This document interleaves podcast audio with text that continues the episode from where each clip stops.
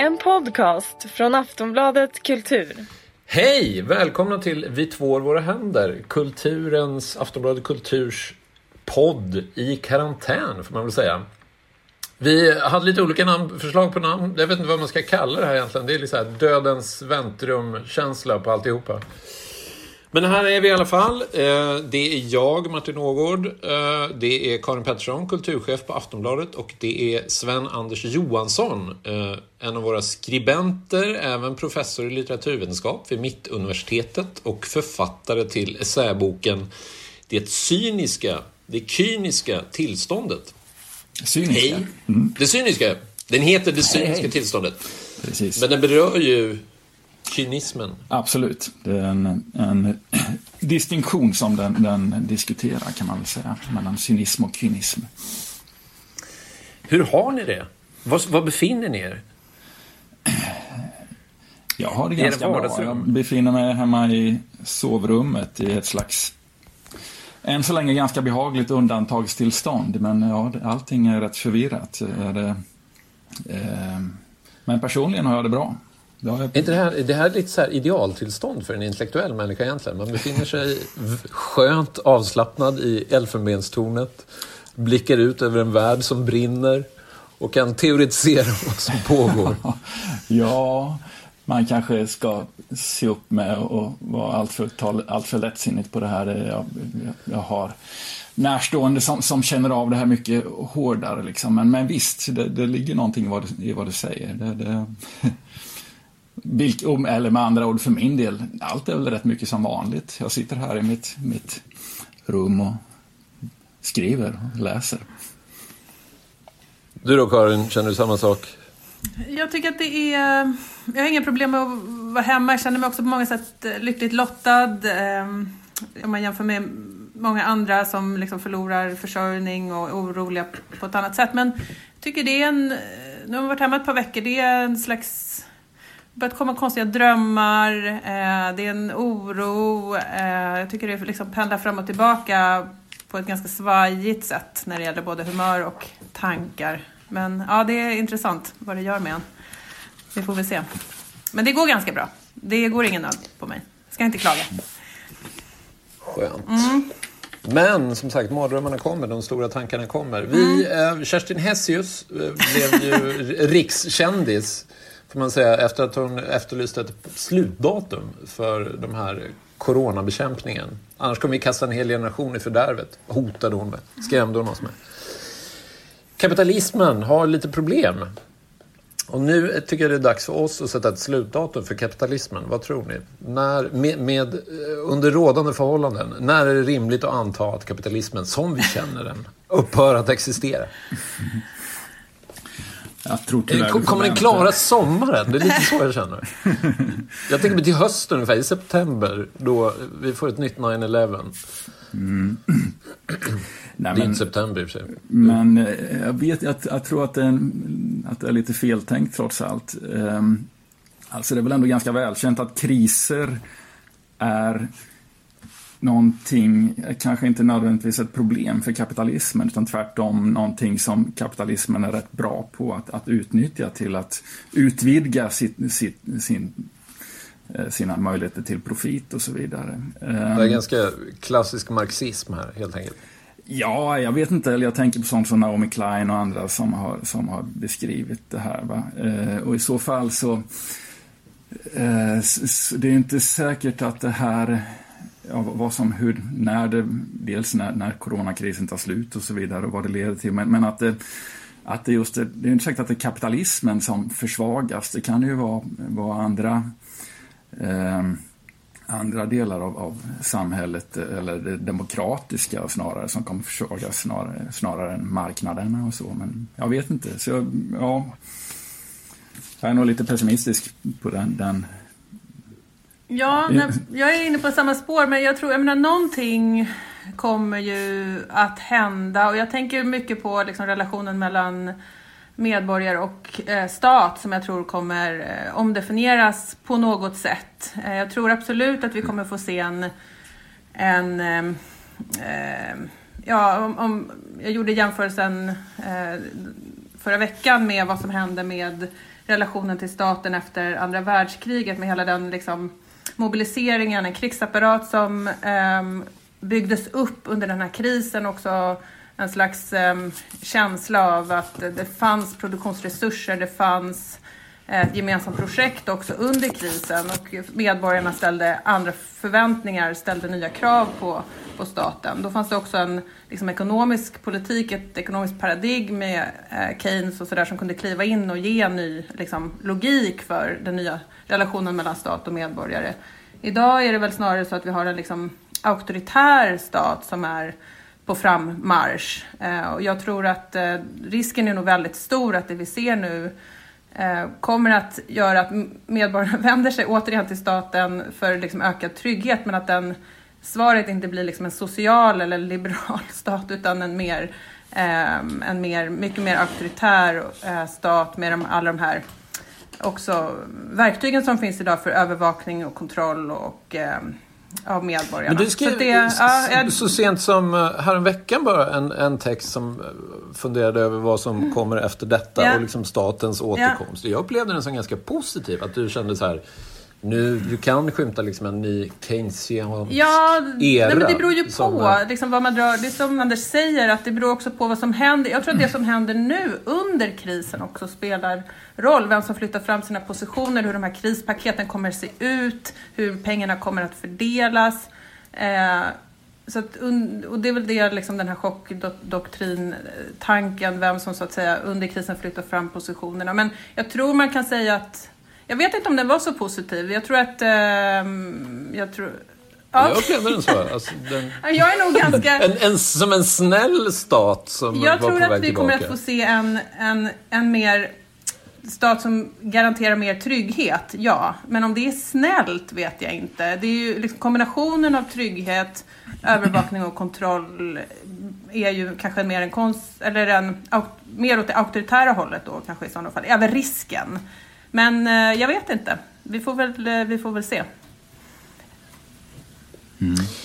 Eh, Pedro Sanchez, Chuck Schumer, Charles Michel, jag kan inte uttala det namnet, och någon miljöpartist såg jag häromdagen också. Alla har använt ordet Marshallplan mm. nu när de efterlyser mm. åtgärder. Det låter ju oerhört keynesianskt alltihopa. Att det är liksom som att alla att det är ett väldigt brett spektrum av politiker som helt enkelt ställer upp på de här eh, sättet att se på den här Jo, men idén att stater och det gemensamma ska gå in och liksom garantera eh, våra samhällens liksom, ekonomiska överlevnad, den tror jag är eh, utbredd och gemensam, liksom, oavsett om det kommer från höger eller vänster.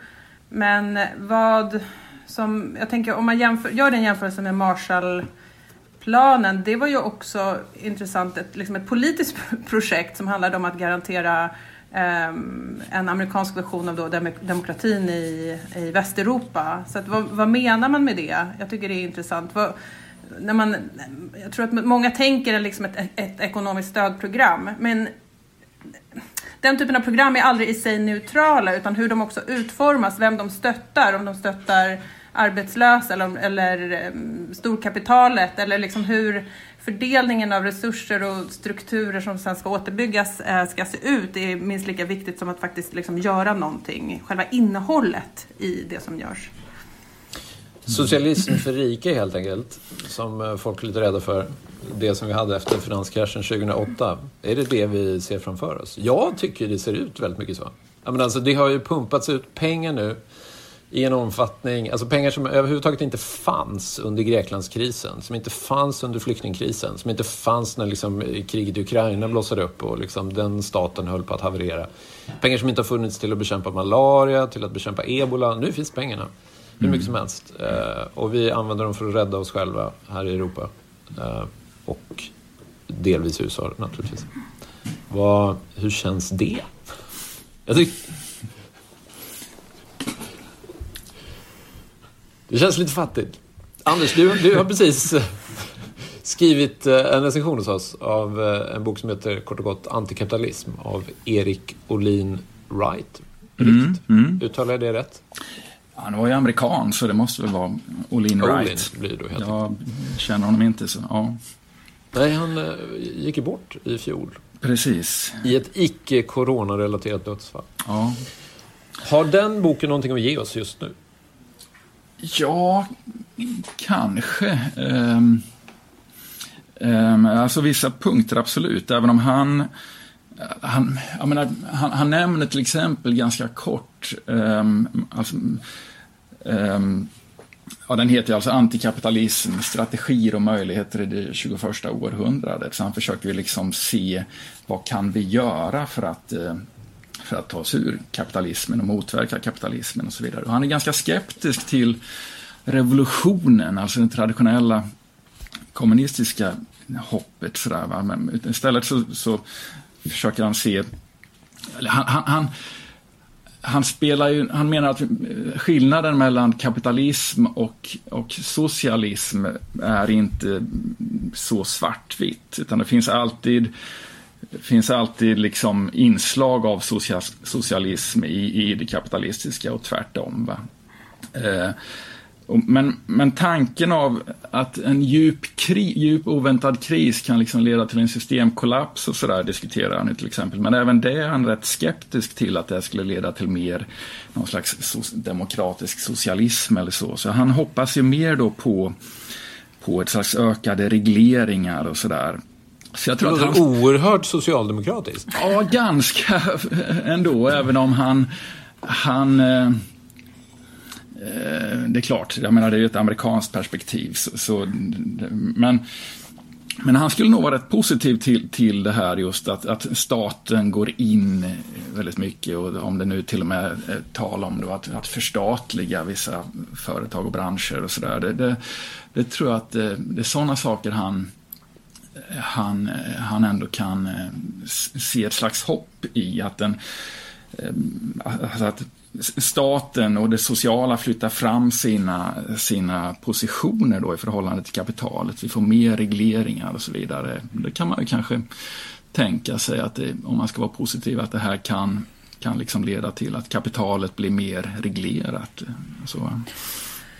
Men, men det tror jag, om jag får hoppa in där, det mm. tror jag, om man tittar på den här krisen utifrån ett perspektiv med den här tiden vi har levt igenom liksom hyperglobalisering, mm. oreglerat kapital som på något sätt eh, sätter villkoren och eh, flyttas fritt över gränser. Mm. Absolut att vi kommer få se en tillbakagång just till liksom både staten och nationalstaten och eh, man kommer inse liksom den här enorma känsligheten som har funnits i, i de ekonomiska eh, systemen och det här väldigt Eh, just in time liksom beroendet och såna här mm. eh, leverantörskedjor och sådana saker. Så jag tror liksom, återigen att Absolut att staten och både företag och medborgare liksom vänder sig nu till staten och säger att liksom, hjälp, här, här måste det finnas någon liksom, eh, garant eller det är här vi behöver, liksom, hjälpen behöver komma. Mm. Eh, men som sagt, om det blir en social stat sen, det finns mm. goda möjligheter till det i Sverige såklart. Um, mm.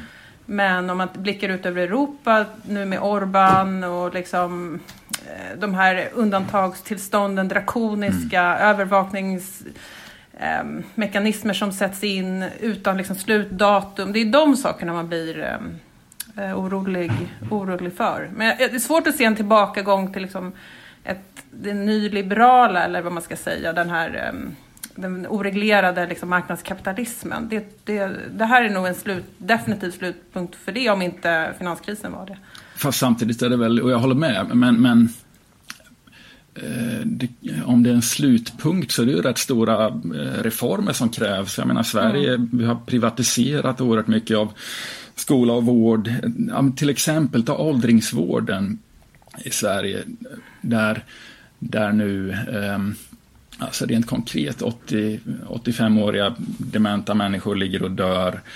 Um, någon måste ta hand om de här utan skyddsutrustning uh, och, och så. Va? Och det skulle, jag tror att det är lite lättare för för en, vad ska man säga, kommun eller region att få folk att liksom känna, gå in och lojalt göra det där jobbet än för ett privat företag som mm. bara är intresserad av profit, som har liksom spelat på usla villkor och sådär liksom. Och, och det, det tror jag blir uppenbart för alla, till och med anhöriga, hur mycket man än röstar höger, att det här funkar ju inte. Det här är en helt grotesk situation. Liksom. Det, det, så, så där, men, men det, är ju, det kräver ju i så fall en... Eh, vi lever ju i det här systemet. Vi, vi, vi, är, vi är i en nyliberal eh, ordning på det sättet och det måste ju... Ja, det kan man ju hoppas att, att det blir någon slags eh, förstatligande eller att offentliga går in och, och tar över det där kanske. Det, det väl, Men den nyliberala ordningen har ju liksom de senaste decennierna svävat på en så historisk högkonjunktur. Och mm. nu är det ju tvärnit där, helt enkelt. Vi, eh, flygen står stilla, vi slutar konsumera och mm. eh, hurray! Nu lever vi äntligen klimatsmart. Mm. Är, det, är det värt det? Eller, är det bra? Är det liksom, det har, vi har fått någon sorts klimataktivism på speed här nu som har slagit till. Och helt plötsligt är vi liksom i ett tillstånd som många har liksom krävt politiskt. Ja. Är, det steg, är det här ett steg framåt för mänskligheten? Att, vi, att flygen står stilla? Att vi, vi slut, vi, vår konsumtion går ner? Jag vet inte, ja men det är klart det kanske är, men historien är väl alltid någon slags kombination av framsteg och bakslag samtidigt i så fall. Så att det är väl bra att flygen står stilla, men, men samtidigt är det ju inte så bra med den ekonomiska katastrof som folk som kan drabba de, eh, eh, arbetarklass och så i första hand. Och, och, så att jag tror inte man kan... Det är svårt att vara så bejakande av det här. Va? Sen dessutom så flygen... Du har ju nästan... skrivit en del om ekologi och sådär. Hur, hur ja. liksom sorterar du in det här i ditt tänkande kring det? Eh, ja, men det visar väl ännu en gång att vi kan inte hålla isär eh, kultur och natur, ekonomi och, och Eh, Eh, och, och, natur eller vad man nu vill. Allt det där glider ihop liksom. Eller det, det finns och, och framförallt kanske mycket av det handlar väl om kontroll som, som Karin har varit inne på. Att, att vi har jag, jag, jag, tänker så här att frågan är, har, har, vi mindre kontroll idag över klimathotet, virus, flyktingströmmar, pengarörelser? Ibland kan det ju se ut så, men jag undrar om det inte bara tvärtom är så att vi, vi, vi är mer besatta av kontroll. Um, om man skulle jämföra till exempel spanska sjukan och det här så undrar jag om det inte är någonting att vi vi är så upptagna, eller vi och vi, alltså på någon, någon slags politisk nivå är man, man tror sig kunna kontrollera naturen och allt allting. Eh, är det här nytt? Allting utanför det, det ekonomiska. nu, eller är det en gammal tendens? Jag tror att det är en stegrad tendens. Jag satt och läste eh, eh den franska filosofen Gilles Deleuze har en liten artikel, eller så här, som heter eh, vad heter det nu? Det handlar om kontrollsamhället i alla fall, som han skrev 1990, som handlar om en övergång från disciplinsamhället till kontrollsamhälle. Alltså att man, man lägger ner Eh, det, är inte som tidigare under ja, säg mitten av, fram till, till eh, kanske 60-talet, eller så här, skolor, fängelser och så vidare. Det var så staten utövade kontroll genom att disciplinera och stänga, att ha eh, gränser och, och, och, institutioner där man, där man liksom spärrade in och så vidare. Så övergick man till ett, en situation där, där kontrollen utövas i oss alla och överallt hela tiden.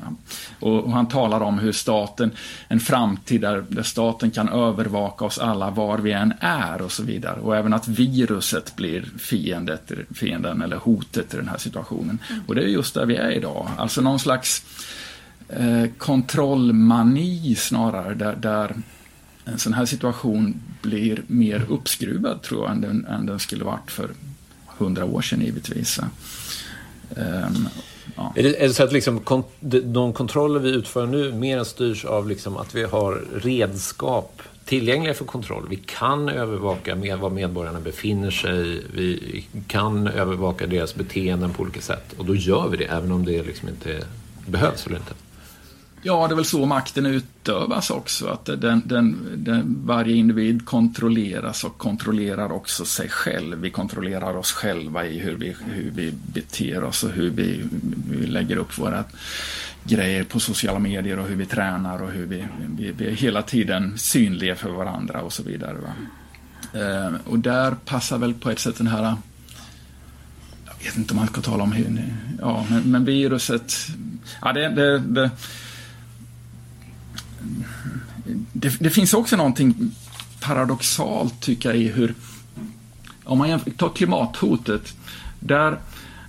där eh, alltså det, enda, det, det rimliga med klimatfrågan och globala uppvärmningen vore att staten tar den, staterna reglerar detta. Va? Man, man, bestämmer helt enkelt, nu förbjuder vi eh, flyget eller nu stoppar vi utsläppen på, på den här nivån. Men det, har man, det är ju det man inte har gjort, utan man, istället har man lämpat det i knät på individen i väst i alla fall. Att, eh, du måste börja, ja, det blir en slags moralisk fråga på individnivå eller så. Eh, vilket ju inte funkar.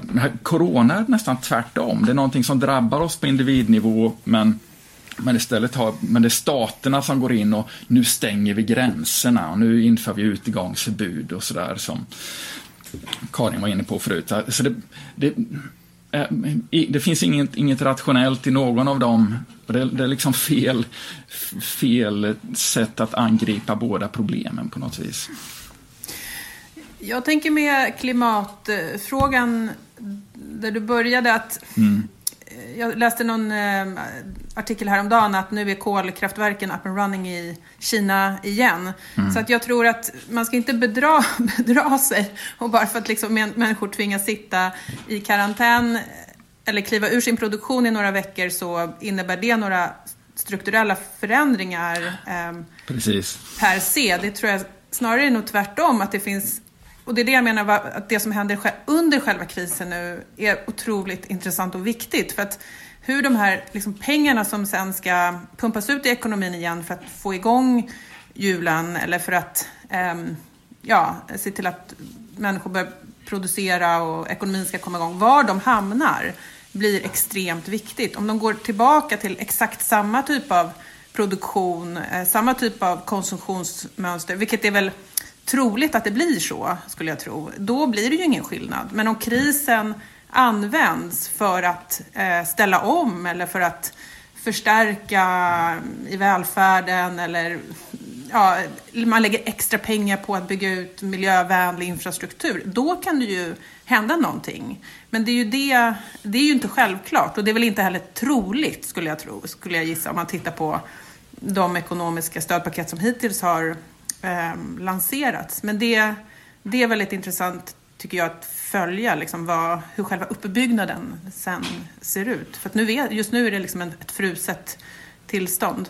Men sen, eh, sen intressant det här med kontroll och jag, läste, jag såg på nyheterna nu i helgen hur i, jag menar, I vårt samhälle är det lätt att övervaka och kontrollera och tekniken finns på plats. Men i ett land som Indien eller Bangladesh eller Nepal eller ja, mm. länder som jag har läst om i helgen. Där, där finns ju, det finns ingen möjlighet att vare sig liksom, bemöta smittan eller eh, att människor ska kunna isolera sig eller hygien eller kontroll för den delen. Så att vi kommer också se, tror jag, en ökad uppdelning såklart mellan den rika och den fattiga världen här med, jag tror med fruktansvärda konsekvenser. Eh, oöver, hittills, än så länge oöverblickbara konsekvenser framförallt för eh, den fattiga delen av världen.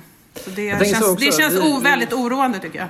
Vi fick in en text av Göran Greider som vi kommer publicera ändra dagen. Där han skriver att han tycker det är svårt att vara en god marxist i det här läget. Därför de ekonomiska åtgärder som helt uppenbart drabbar de sämst ställda i samhället måste viktas mot eh, virusbekämpningen och risken att, att man dör. Jag, håller ni med om det? Jag tycker inte alls det är så svårt att vara liksom se... Jag tycker det är en, en extremt tydlig klasskonflikt på flera, i flera led i den här coronakrisen. Dels vilka människor som får hjälp, eller vilka människor som skyddas eller inte. Det har liksom, italienska fattigpensionärer har uppenbart inget som helst skydd i den här situationen. Eh, vi som sitter här i, i våra mysiga elfenbenstorn, vi mår ganska bra.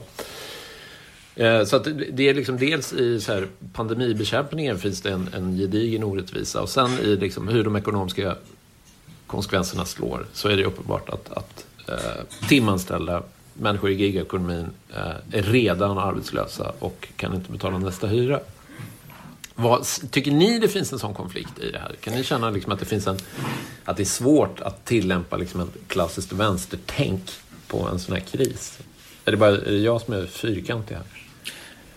Ja, men det, jag, jag vet inte, jag är nog inte jag kanske inte är marxist i någon sån eh, i övertygelsemening. Utan, däremot kan jag väl se att en, en marxistisk analys där kan väl gå med Det är ett verktyg man kan ja. använda för att se liksom, just klasskillnaden. Alltså, sen, ja. Men där, där kan jag väl liksom, för att återgå till Olin Wright, ge honom rätt. Att om man nu vi befinner oss i en värld där det, det, det, finns en ekonomisk makt, det finns en social makt, det finns en stat, en etatism som man kallar dem. Och det kräv, behövs ju någon slags, eller samhället fungerar ju på det sättet att vi, vi, vi har en blandning av de tre olika makterna och det är klart att vi eh, det, jag vill, så som, så som Sverige har fungerat, så vi, det bygger på att det finns ett fritt företagande, folk som driver restauranger och företag och så vidare. Och om det kollapsar så blir ju läget inte så roligt under en överskådlig framtid. Det, det, det är väl klart att eh, att, eh, eller med någon uttryck mer banalt, det, det försvann Martin det, det, är kul att någon driver restauranger som, som, man kan gå och äta på. Det är tråkigt om de går omkull. Sådär. Annars, jag Hallå. håller med. Om, det, det, det, är klart du har rätt i det här med hur, hur det slår och att det finns en, en arbetarklass, eh, de allra lägst av prekar, ett prekariat som både tar smällen och som får göra skitjobbet och så vidare. Med att, eller skitjobb, men jobbet med att ta hand om de här döende människorna och så vidare. Och, och ta jättestora risker. Eller vad säger du?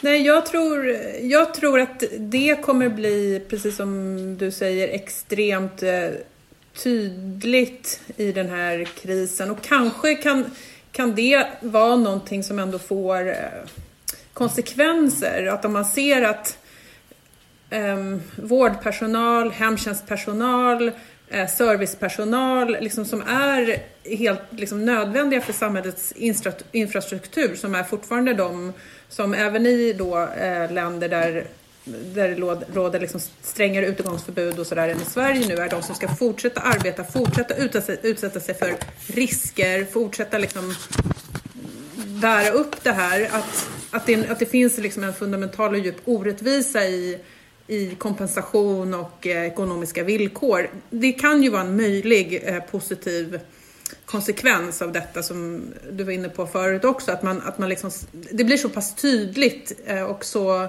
uppenbart att det inte går att bortse ifrån eh, längre. Och jag, såg, ja, så jag tror att den typen av krav på kompensation, på trygghet, på bättre arbetsvillkor, på ja, rättvisa helt mm. enkelt, mer, rätt, mer rättvisa eh, inom länder som, som Sverige och så vidare kommer säkert att eh, Ja, där, där kan det finnas en kraft förhoppningsvis. Mm. Facket Men sen vet inte jag vad grej... ökad tillströmning.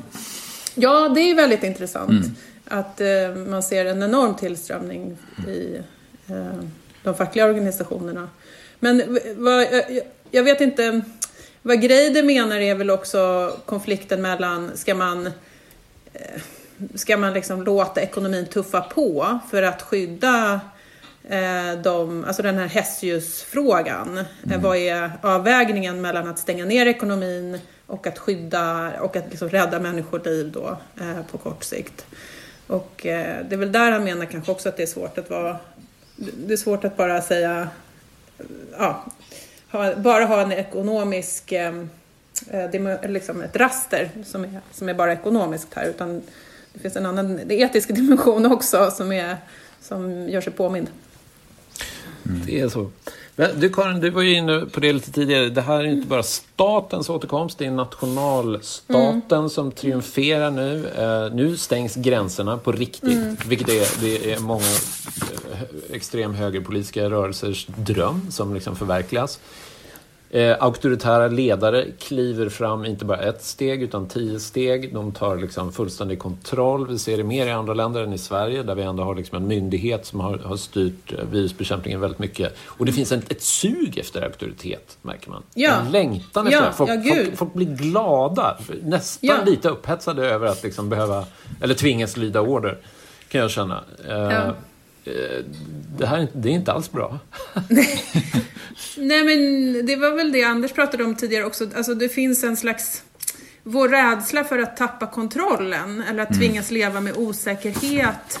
Um, den är extremt stor tror jag och jag tror folk föredrar nästan allting annat för osäkerhet i ett läge när man är rädd. Och då är det skönt när någon kliver fram och säger nu gör vi så här, vi stänger gränsen skitsaksamma om det är liksom effektivt, för det är i alla fall någon som gör någonting. Och i, den här liksom panikkäns i en panikkänsla så blir den eh, längtan efter att någon bara gör något. Eh, det är ju liksom en ja, förutsättning för fascism och totalitära tillstånd. Men, men ehm, jag tycker det är intressant. Jag känner den tendensen i mig själv också. Jag tycker jag brottas med den. Eh, att jag, ehm, ja, man vill veta, man vill få besked. Och det är ju en svår och farlig situation tror jag. Och jag tycker det är extra intressant just det här med de stängda gränserna. För att olika åtgärder nu har ju motiverats på olika sätt. Eh, att stänga skolor är en sak och stänga ner företag. Men, men är det någon som egentligen tror att just stängda gränser, när viruset så att säga väl är etablerat i ett land, kan... Eh, jag har inte sett något liksom vetenskapligt stöd för det, men ändå var det en sån ryggmärgsreflex hos många, hos många länder. Att det, nu ska vi liksom... Nu, ska vi, nu är det vi och vårt gäng här, nu ska vi klara det här tillsammans och vi stänger ute omvärlden för ett tag. Men just den åtgärden är därmed extra intressant att fundera över hur snabbt den kom och eh, hur dåligt... Det är svår, verkligen svårt att se logiken i det. Ja, otroligt svårt. Jag såg bilder igår bara då liksom eh, hundratusentals ukrainare köade för att liksom komma tillbaka från Polen. Det är många husflytt till Polen nu. Liksom. Och de är ju då gästarbetarna som håller Polen under armarna därför att Polen töms ju Ja, och så är det land efter land nu. Nepal får inte, får inte nepalesiska medborgare komma tillbaka till sitt land. Liksom miljontals tvingas stanna i Indien och Mellanöstern. Så att är du inte där när så att säga, gallret fälls ner så mm. då får du inte komma hem. Och det är väldigt dubbelt, för man samtidigt är också ett Europa som liksom har vilat på mer eller mindre legal arbetskraft som, som jobbar under extremt dåliga villkor. Kanske inte kan fortsätta göra det. Liksom. Men hur som helst, tillbaka till frågan om liksom nationalstaten och den auktoritära staten och de auktoritära ledarna. Hur, hur backar vi tillbaks från det om det här händelsevis tar över? Eller tar slut you tell me. Det är ju jättesvårt. Ja, det är nog men, jättesvårt. Men det är någon... Det är revolution. Ja, kanske har det, det, alltså... Eh, ja, skulle jag säga? Det, det Karin säger, det här om fascismen, som, där vi plötsligt har eh, uppfattat det som att vi, ja, vi hamnar i all, all, de auktoritära ledarna och så vidare. Det är, Ja, nu kommer jag av. Jag hoppas att man kan klippa i det här. Det kanske inte går. Men, men alltså, det, det, funnits någon stör, det finns en stör, någonting störande i den normala liberalistiska eller liberala självbilden, hur man ställer upp fascismen som en ond motsats som finns i, eh, ja, vad det nu är, Vitryssland eller, eller i Hitler-Tyskland eller så vidare.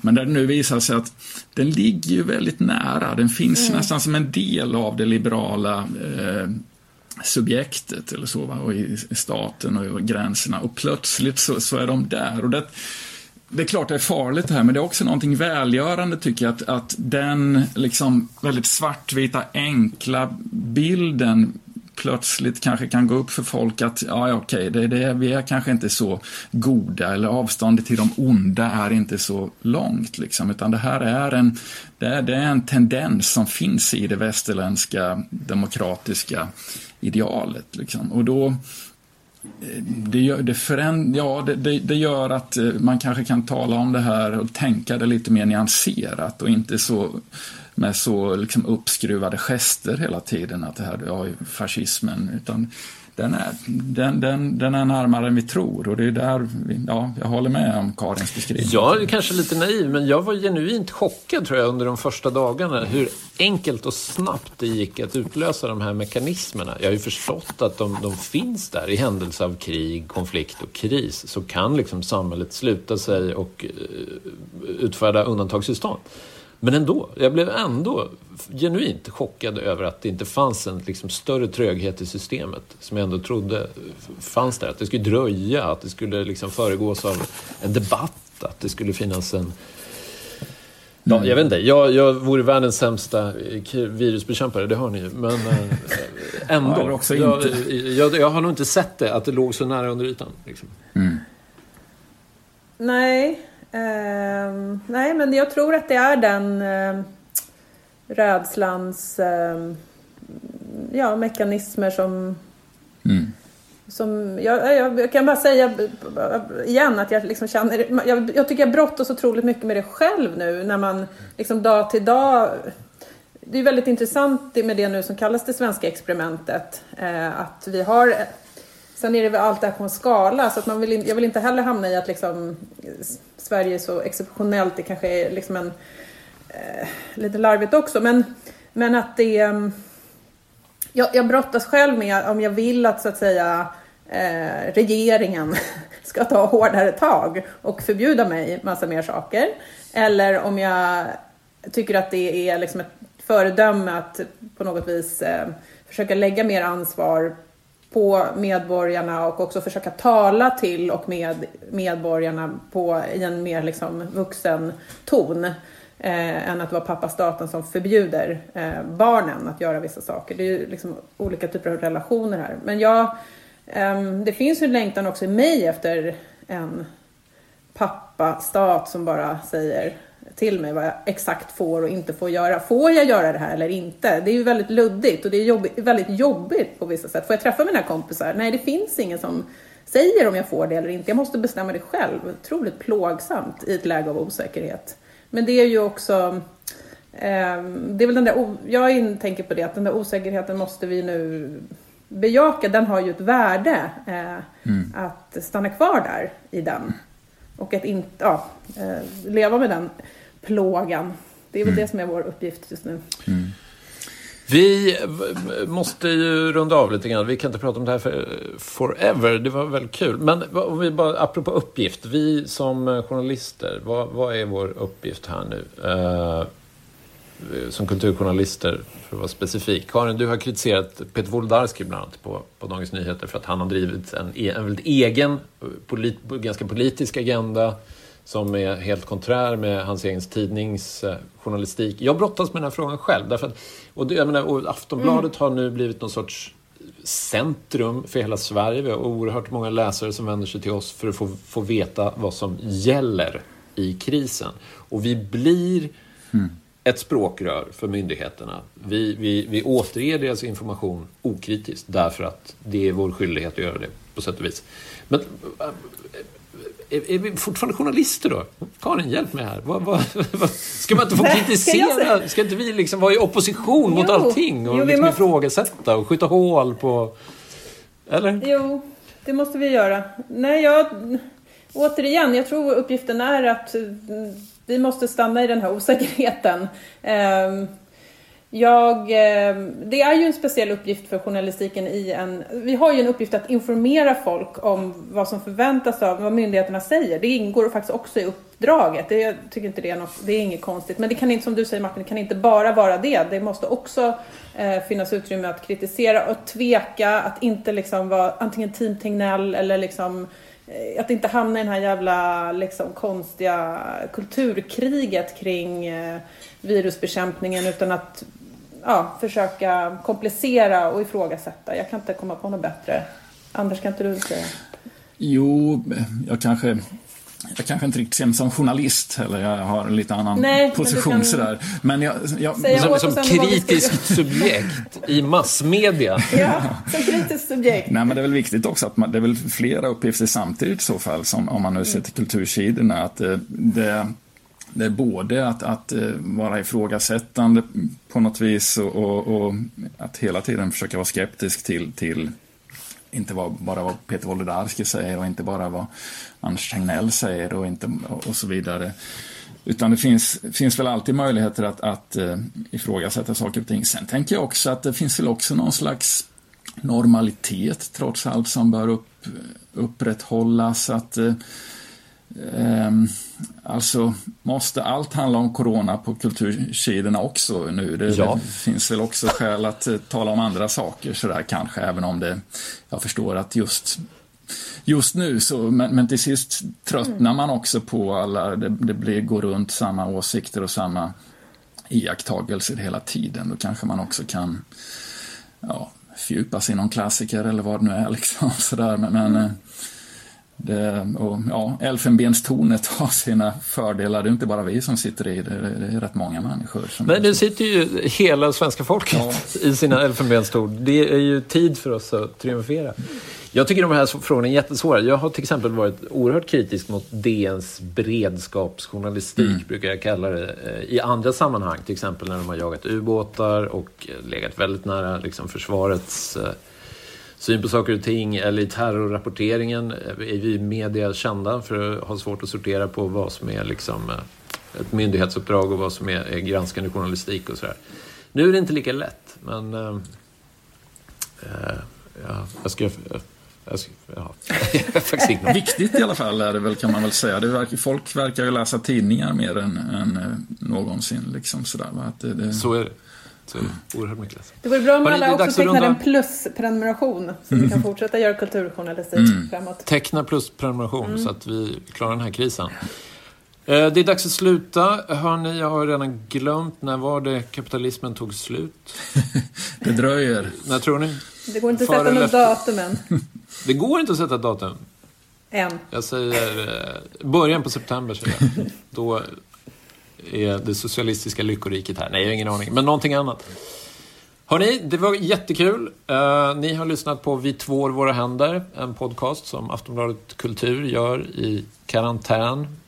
Vi har haft med oss Sven-Anders Johansson uh, och vi har haft Karin Pettersson och Martin Ord heter jag.